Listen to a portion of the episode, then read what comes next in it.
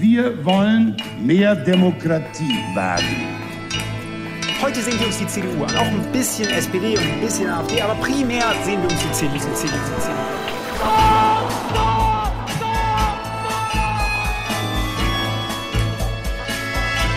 Niemand hat die Absicht, eine Mauer zu errichten.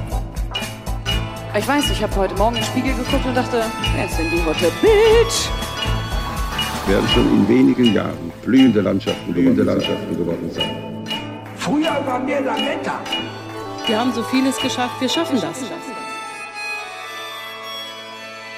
Herzlich willkommen til Tyskerne episode 89 med Ingrid Brekke. og Kai Schwind. Dette er en livesending. Det betyr vi sitter her på Goethe-institutt i Oslo og snakker til våre lyttere via Zoom, som man gjør så mye i disse dager. Eh, Så dere som deltar direkte, kan både se og høre oss. Det er jo veldig fint.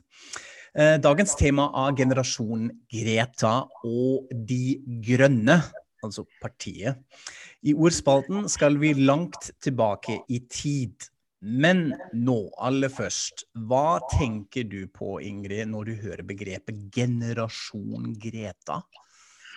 Nei, jeg tenker jo først og fremst på alle de unge som er med på Greta Thunberg sin eh, skolestreik for klima, og denne bevegelsen eh, Fridays for Future.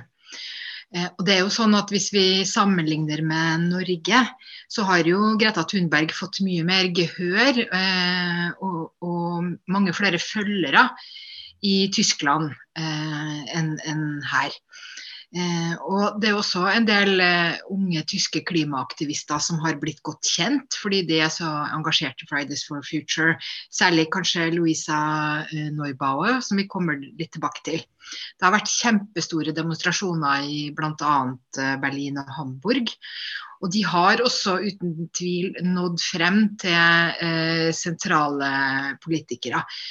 Eh, Man har jo diskutert Fridays for Future og, og sånn i, i forbundsdagen. Og eh, daværende eh, justisminister Katarina Barli hun sa i 2019 at disse unge demonstrantene ikke bare fortjener alles respekt, men kanskje burde man også innføre stemmerett for 16-åringer.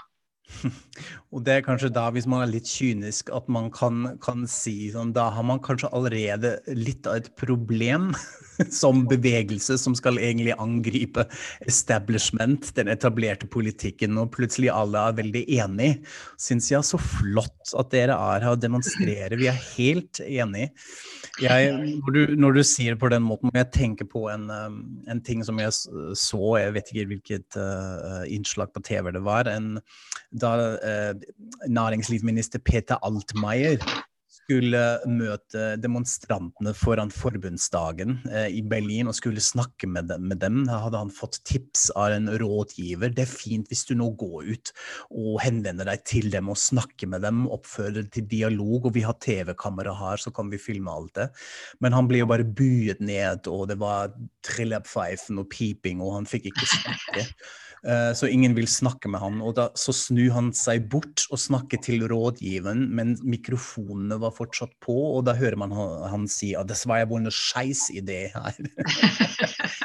Som jeg tenkte, dette er egentlig litt fint, altså det er jo bra med dialog, men det er også bra at man bråker litt. Eh, Så Peter Altmaier fikk, eh, fikk skjønne det på kroppen.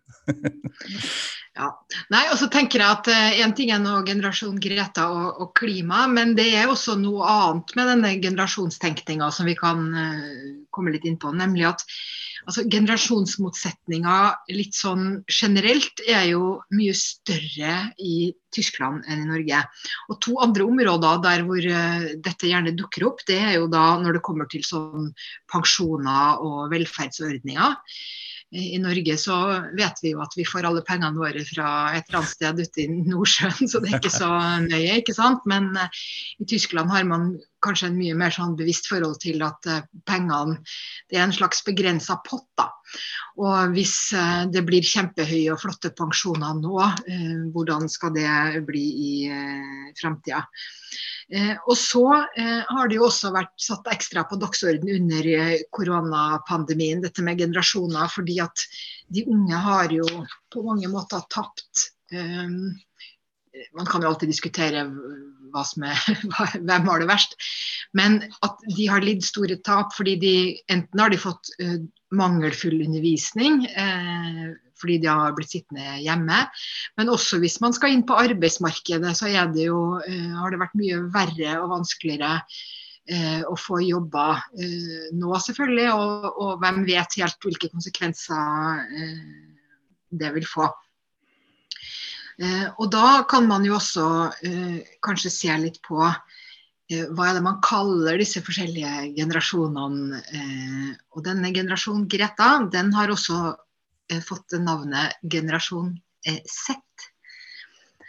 Og det er altså aldersgruppa som er født sånn omtrent fra 95 til 2010, altså opp til 25 år, kan man kanskje si.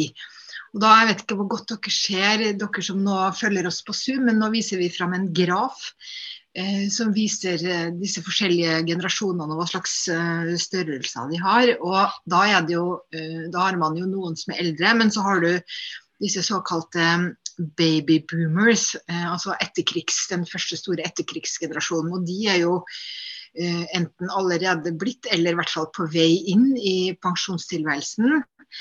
Eh, og allerede de kommer selvfølgelig da til å eh, koste mye penger som pensjonister, men så etter dem så kommer jo en enda større generasjon, og det er jo oss. Generasjon X.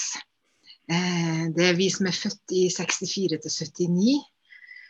Og det blir dyrt, det. og så, etter det så kommer jo da generasjon Y, og så generasjon Z, Greta. Og så I tillegg til denne det som det siste jeg bare tenkte jeg skulle si som jeg syns er veldig fascinerende, det er at det, det finnes et eget ord for sånn uh, generasjonstenkning eh, sosialpolitisk i Tyskland, nemlig at man har en slags generasjonskontrakt, generasjonsvertrag. eh, som er en slags, Det er jo ikke en skriftlig kontrakt som noen har undertegna, men det er en bevissthet nettopp om dette at man forplikter seg. altså at, at det finnes et slags generasjonsregnskap. da. Eh, noen skal få eh, penger, og noen ja. lover å betale, men hva skjer så? Mm, ikke sant. Og det husker jeg faktisk også fra da jeg var barn, at jeg hadde en sånn samtale med mine foreldre som sier det er sånn det fungerer. Jeg tror ordet generasjonsfortrag ble nevnt også.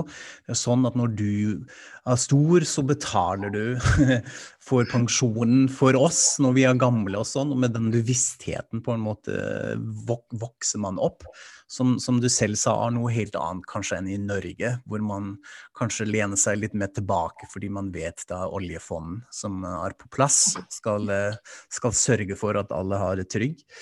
Men så er det jo litt interessant også når vi ser på dagens generasjon, de vi skal snakke om i dag, og diskursen, at det ikke nødvendigvis speiles uh, som det var før. At det er ikke så mye snakk om den generasjons fortrag eller kontrakten, eller i hvert fall som noe som er kanskje feilet eller ikke på plass på samme måten igjen. Det ser vi jo på, på det store, som vi skal se litt nærmere på, men også uh, på, på, det små, kanskje. Uh, jeg, jeg, må tenke på hashtag okboomer, uh, som jeg har opp, oppdaget nå. Dette er jo noen år siden allerede. Jeg tror det var noe som oppsto på TikTok som en slags reaksjon fra generasjon Y og kanskje sett mot de babyboomers uh, for å vise ok, dere har ingen peiling om teknologi, dere driter dere ut på sosiale medier. Samtidig tenker dere ikke på bærekraft og miljø. Pinlig.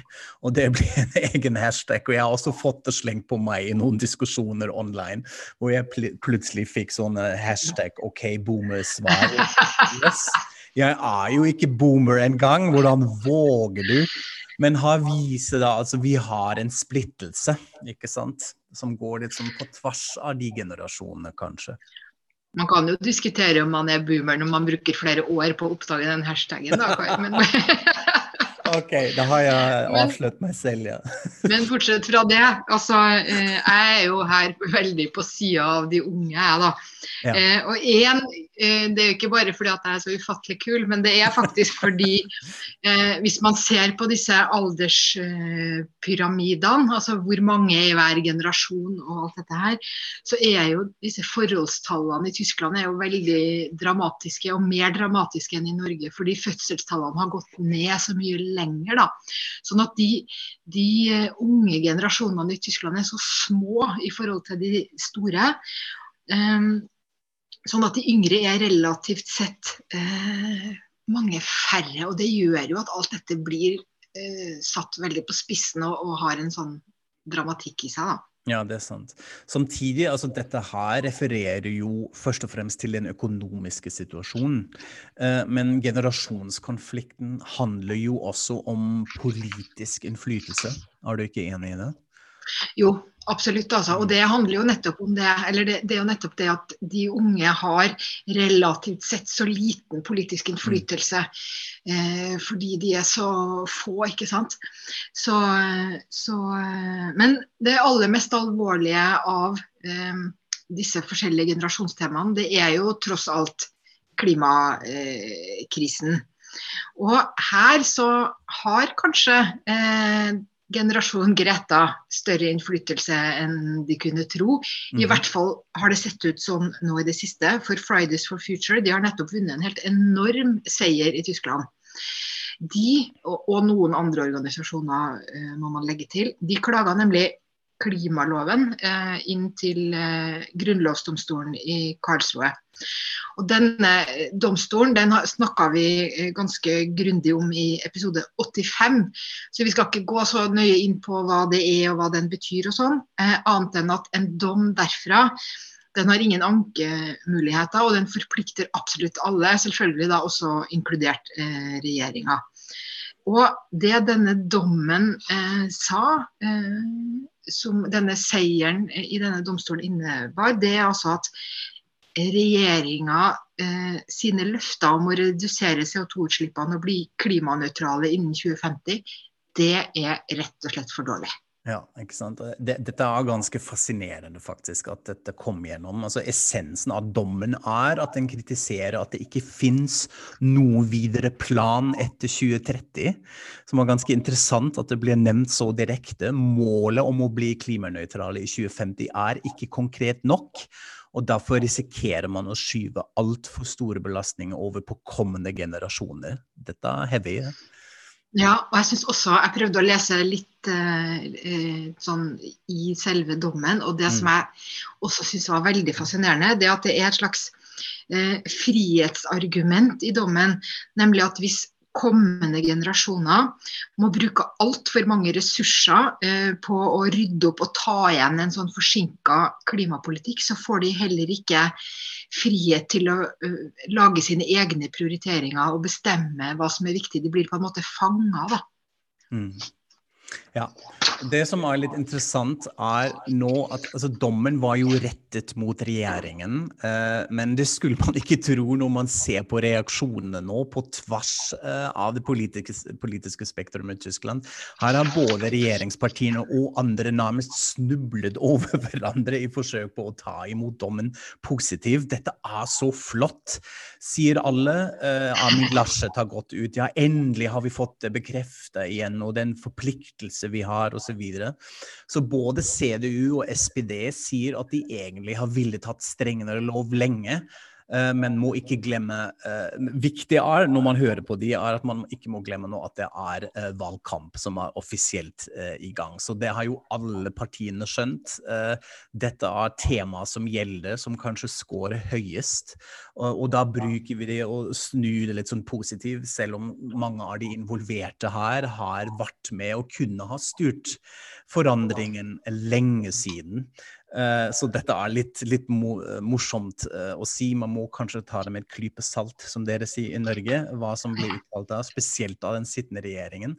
Uansett, en ny klimalov ble lagt frem for noen dager siden. Dette er jo en slags seier, eller? Ja, og den må de jo ha hatt liggende i skuffen, siden de kunne liksom bla den opp på bare kort tid etter den dommen. Men eh, der, eh, i denne nye loven, da, eh, som, som, jo det er jo fortsatt et forslag, men det er i hvert fall regjeringa sitt forslag, eh, så sier man at eh, Tyskland skal bli klimanøytralt eh, fem år tidligere, altså i 45, 2045 i stedet for 2050. Og så skal man redusere CO2-forbruket raskere enn før. Men fortsatt så er jo det elementære jo ikke på plass. ikke sant? For hvordan skal man nå disse målene? Skal man raskere ut av eh, kull? Skal man eh, nedlegge forbud mot eh, innenlandsfly? Skal man ha høyere CO2-avgifter? Og alt dette er jo sånt som kommer til å rusle og gå nå i, i valgkampen, selvfølgelig. ikke sant? Disse grepene. Mm. Hva, hva må til? Og så eh, har det jo nettopp også vært en ganske interessant liten debatt eh, med Angela Merkel eh, og Louisa Neubauer. Og der eh, argumenterer selvfølgelig Neubauer for at her må man bare kjøre på og, og gå mye raskere til verks. ikke sant? Og så sier altså Merkel at men det er viktig å også ta hensyn til flertallet. For hvis vi går for drastisk frem, da får klima skeptikerne vann på mølla. Så det er et slags forsøk på et demokratisk argument for å ha for strenge eh, klimatiltak, da. Ja, ikke sant. Jeg har også lest litt om den debatten, og dette er så fascinerende, fordi dette er sånn typisk Merkel.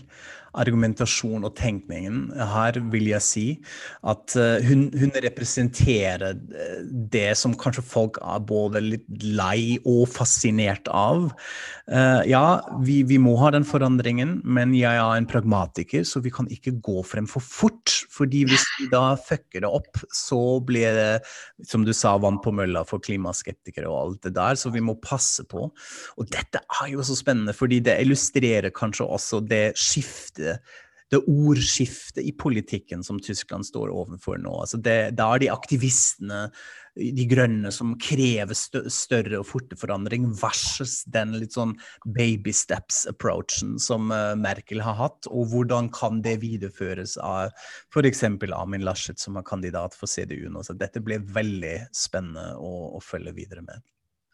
Så må man jo tro at eh, det at klimasaken blir antagelig et så veldig hett tema i valgkampen, det må jo være av det gode. Ja. Eh, altså av, og da, nå ser jeg det fra klimasakens perspektiv, da. Ja, det må være av det gode. ja.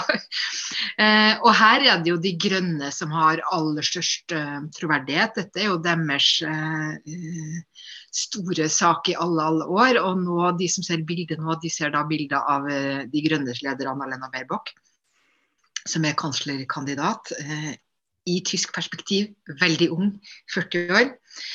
Eh, og de er jo De, de grønne har jo eh, stor eh, appell til de unge velgerne. Altså i, under europavalget i 2019 så stemte 34% av de under 25 år stemte på de grønne. Eh, og det her vil jeg jo tro at det har sammenheng med hele den klimaaktivismen blant unge ja. også. Det er spennende. Allikevel syns jeg det er litt fascinerende å, å, se litt nærmere på hvorfor sliter egentlig de andre partiene på venstresiden å mobilisere de unge? De burde jo ligge ja, på samme linje. Ja, ja de, for deg så er De Grønne et parti på venstresida. ja, dette har vi jo diskutert uh, før. Dette, jeg har et sånn tja-svar for dette. Det er ganske interessant, faktisk. Fordi det går egentlig litt på kjernen av hvordan det skiftet ser ut i landet nå, og hvordan det blir diskutert. Jeg vil jo egentlig si ja, De Grønne er et parti fra venstresiden, men da tenker jeg noe mer på historien. Altså det for å ha gått fra protestparti, borgerbevegelse, Uh, alt det der fra 80-tallet, 90-tallet oppover. Men det er jo mange som sier allerede da de grønne satt i regjering med Schrøder på slutten av 90-tallet, at de hadde gått langt bort fra det. Mye mer inn i sentrum.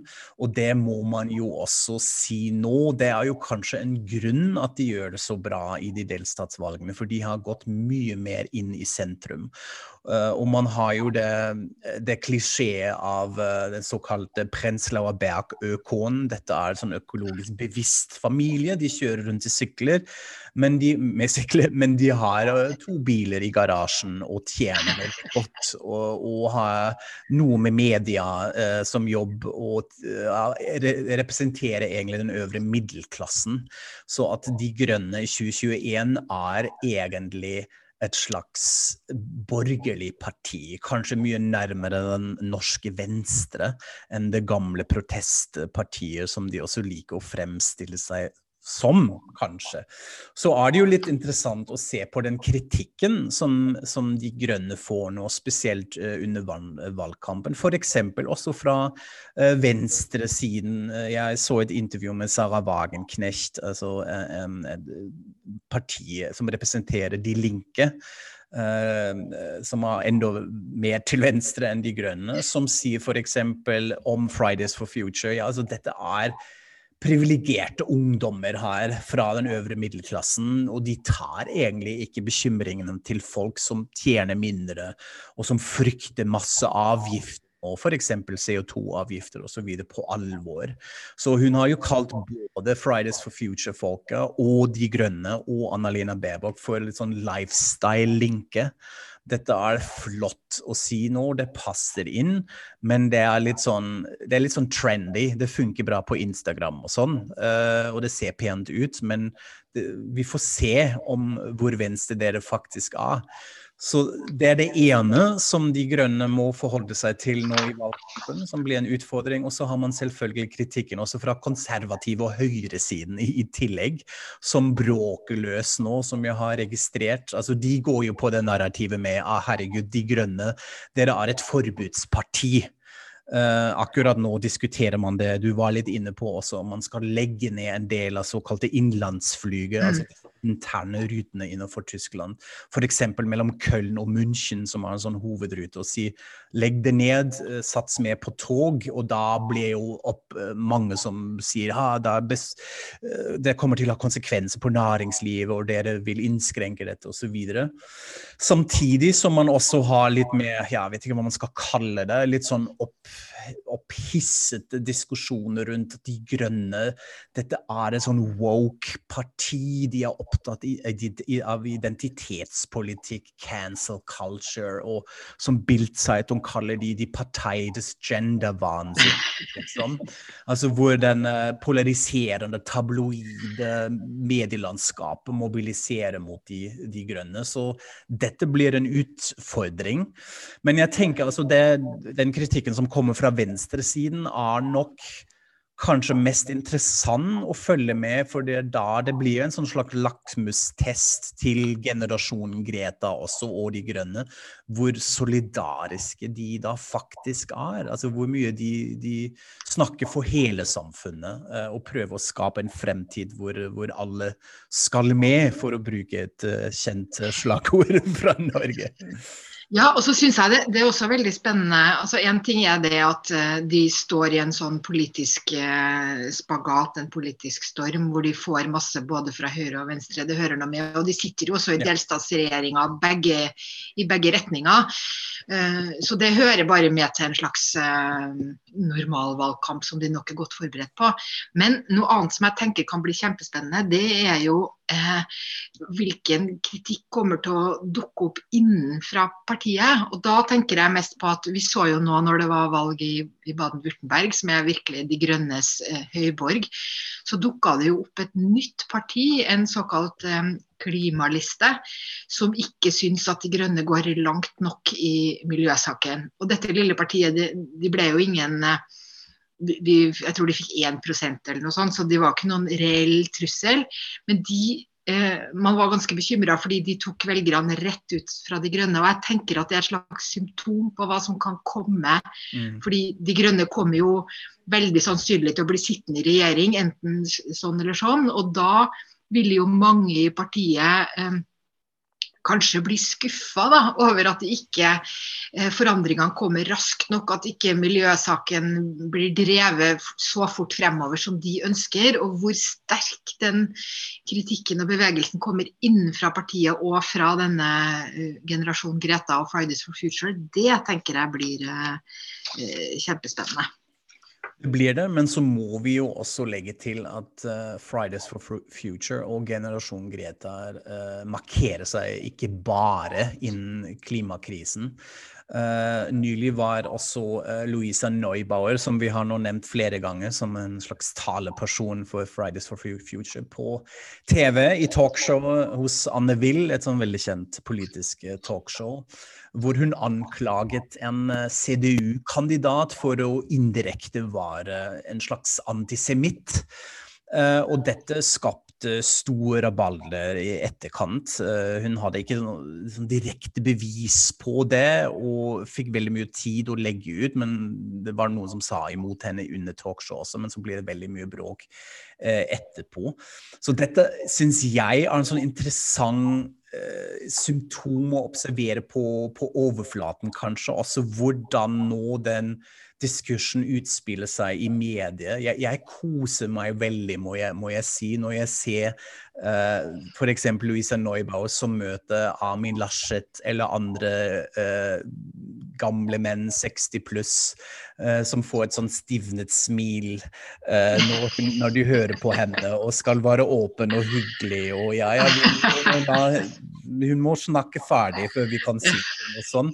Og hun som kjører på. Så det er ofte en, en høy temperatur som jeg tror de er ikke vant til. Uh, at de møter unge kvinner nå på denne måten, som er en sånn novum i, i tysk politikk, som egentlig er jo litt, litt, trist. Men det er for meg alltid en forskjell når jeg sammenligner tysk og norsk politikk, at man er mye mer vant til unge, også kvinnelige stemmer i den offentligheten. Så dette her blir eh, ganske interessant å se, eh, og eh, kanskje ferger også hvordan ja, den samtalen og ordskiftet ser ut nå, spesielt under valgkampen. Så er det en, en, en, siste ting som jeg har lyst til å eh, legge til før vi, før vi går videre. Fordi jeg syns det var en sånn interessant observasjon av en um, tysk kabarettist som heter Florian Schrøder, som er veldig, veldig, politisk og har markert seg med ulike aksjoner vi, og stunts som vi også har snakket om her før. Men han skriver nå en bok om ytringsfriheten i Tyskland og har da brukt begrepet um, skyttergravementalitet, som han mener kjennetegner det debattklimaet i Tyskland akkurat nå, også uh, i politikken. Uh, og jeg syns det er veld, en veldig bra observasjon. altså Den, den utspiller seg jo hovedsakelig på sosiale mediene, kanskje, men også i sånne, sånne talkshows, i redaksjonelle mediene som tar det. At alle sitter i skyttergravene sine og kaster granater mot den andre siden. Ser hva som skjer, uh, uten å nødvendigvis lytte og ha den dialogen, da. Uh, som jeg også tror kommer til å bli en slags utfordring for ja, f.eks. den som blir den nye kansler i, i, Tyskland. Hvordan klarer man å forene folk? Hvordan uh, klarer man å roe ned dette veldig sånn opphisset debattklima, selvfølgelig under uh, forstørrelsesglasset korona, uh, så det kommer kanskje til å roe seg litt ned av seg selv, men det blir da en, en utfordring eh, også hvorvidt generasjon Greta er med å skape den, den diskursen. Så det blir spennende. Ja, vi skal snart uh, til ordspalten. Uh, men siden vi har uh, en del lærere som følger oss her i dag, og kanskje etterpå på Zoom, på, på, på, opptak også, tenkte vi at vi kan som en slags digresjon her komme med noen tips som kanskje kan passe, kanskje for undervisning, kanskje for noe annet i utdanningskonteksten. Og her har vi funnet to ganske interessante eksempler. Vil du ta den første, Ingrid? Jo, eh, det første det er da at eh, Sofie Skjold er på Instagram.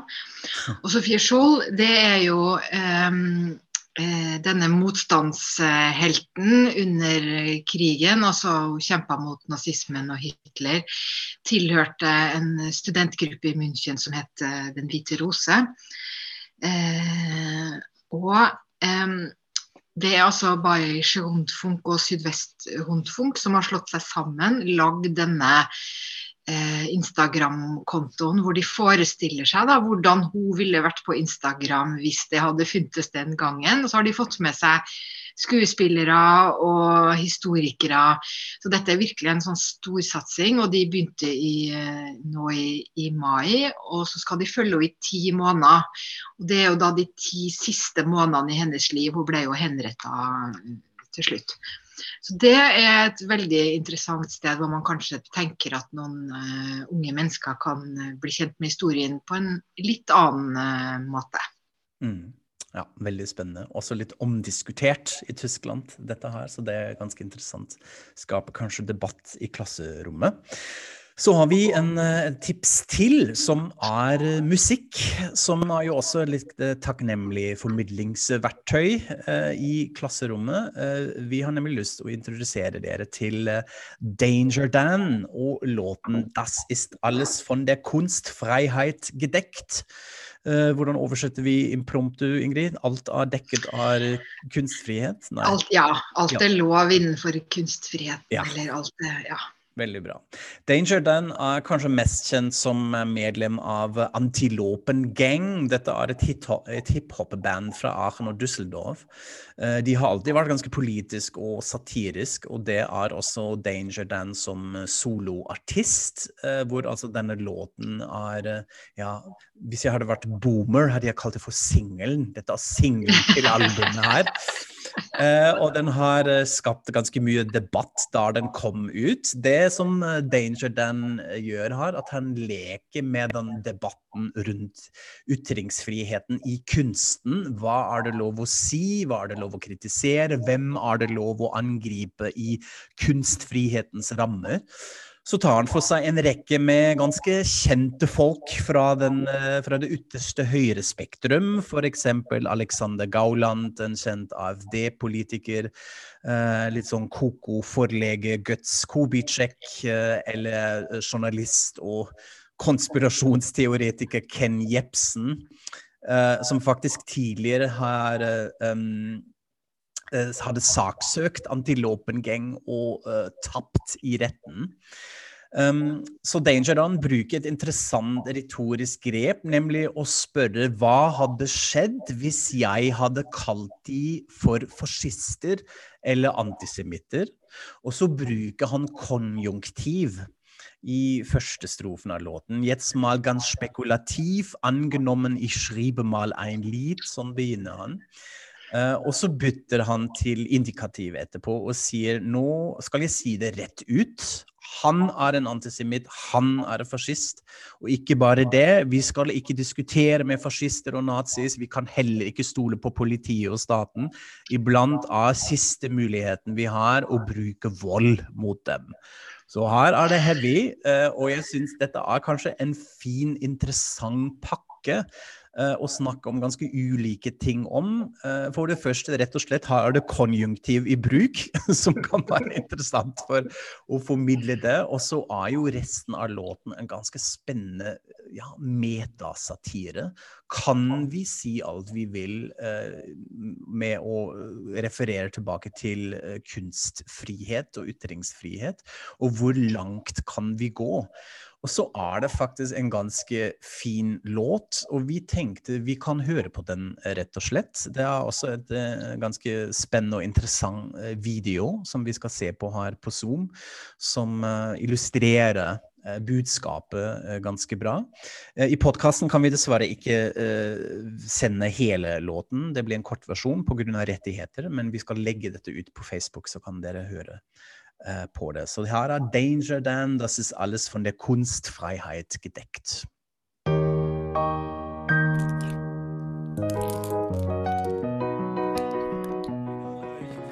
Zeig mich an und ich öffne einen Sekt. Das ist alles von der, alles von der, alles von der, alles von der, alles von der Kunstfreiheit gedeckt. Da Jeg må bare si, si noe om videoen, jeg. Ja, gjør det. Ja. ja. Nei, men det er så uh, det er, Jeg har jo sett den et par ganger før. Mm. Uh, og det er, den er jo så drøy. Og samtidig så er det en sånn vidunderlig vakker uh, melodi. Mm. Sånn at alle som nå ikke fikk hørt og sett den, bare se den. Måtte bare si det. Og så skal vi til ordspalten! det var egentlig det jeg skulle si. An, auf, runter in, neben, über, runter, fortzischen. Det er tid for ordspalten. Og siden denne episoden har vært så ung, så skal vi ta for oss noen riktig, riktig gamle ord. Og det er du, det er Kai, som har kost deg med en forfatter fra 1600-tallet. Fortell. Ja, nå, nå går vi helt tilbake. Nå blir det gamle folk. Vi skal snakke om Philip van Cesen, eh, som er jo et eh, kjent eh, navn eh, innenfor barokklitteratur. Kanskje mest pga. den eh, autobiografiske romanen 'Die Adriatische Rosenmund'. Eh, så det er en kjent eh, forfatter, men eh, som også har påvirket det tyske språket med sine Wortschöpfungen. Altså sine ordskapninger, hadde man kanskje sagt på norsk? Eller hvordan oversetter man det? Ordskapelse? Altså i hvert fall nye Ja, altså han danna nye ord. Ja, ikke sant. Eh, så eh, det, er, det er mange ord eh, som vi fortsatt bruker i dag, eh, som, som går tilbake til han og en del andre. Det er også en del eh, debatten, debatter innenfor eh, litteraturvitenskap. Hvem nå har egentlig oppfunnet hva? Eh, Men det som er mest interessant og morsom, er hans forsøk eh, om å tyskifisere en del begreper fra andre språk, da spesielt fra latinsk og gresk osv. Altså sånne eindeutschungen som ikke eh, gikk videre, som man, som man ikke eh, bruker eh, i dag fordi de var eh, kanskje litt for rare eller for, for merkelige. Så da finnes det mange veldig morsomme eksempler, og vi skal lenke også til en sånn liste med alle de på Facebook-siden vår. Men jeg tenkte allikevel vi kan ta ut noe og prøve å oversette det sånn, så det, det er forhåpentligvis litt morsomt på norsk òg.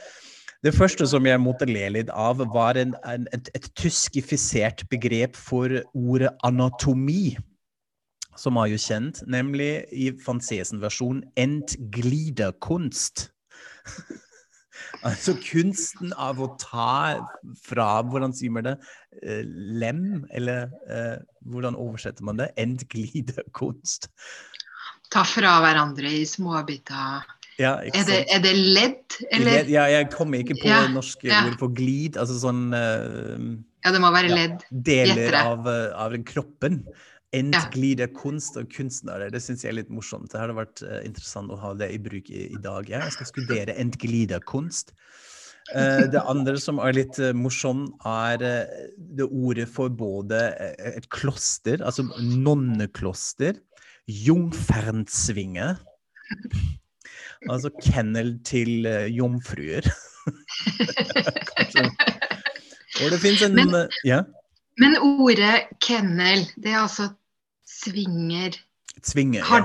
Ja, men det har også med tvang å gjøre. Altså, Ja, ja, det- det, det er inne i som- det. Ja, ikke sant? Ja, ja. Mm, Så, så en kennel heter en tvang, et En tvangssted. tvanger. En- Ja, ja, nettopp. Ja, ja. Ja. Mm. Så man bruker det jo for dyr og hunder i dag. ja. Så Jungfernsvinge, nonnenkloster, og så finnes det den mannlige versjonen, Mönchskloster, som heter Mannstsvinger.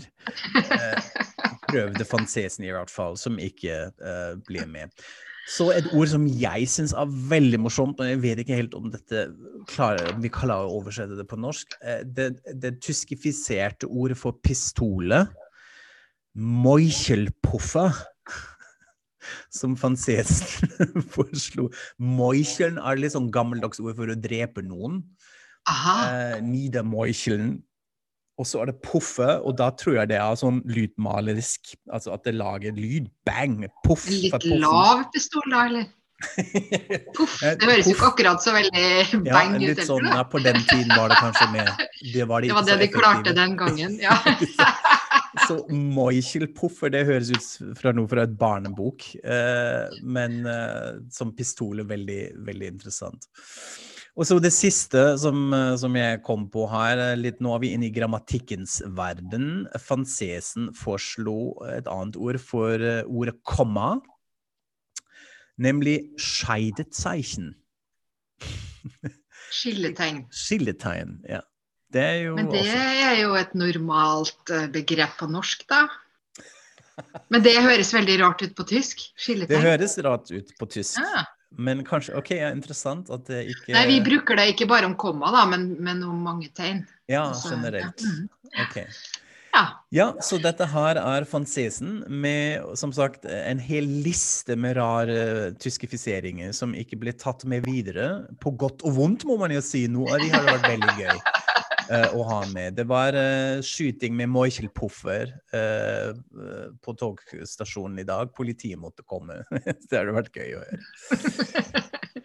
Ja, nei, men da eh, gjenstår det bare å si eh, takk for oss. Takk til alle som har fulgt oss på Zoom. Eh, det er faktisk ganske gøy å gjøre live på denne måten også. Eh, og så blir vi kjempeglad eh, for alle som snakker med andre om oss og deler episodene våre i sosiale medier.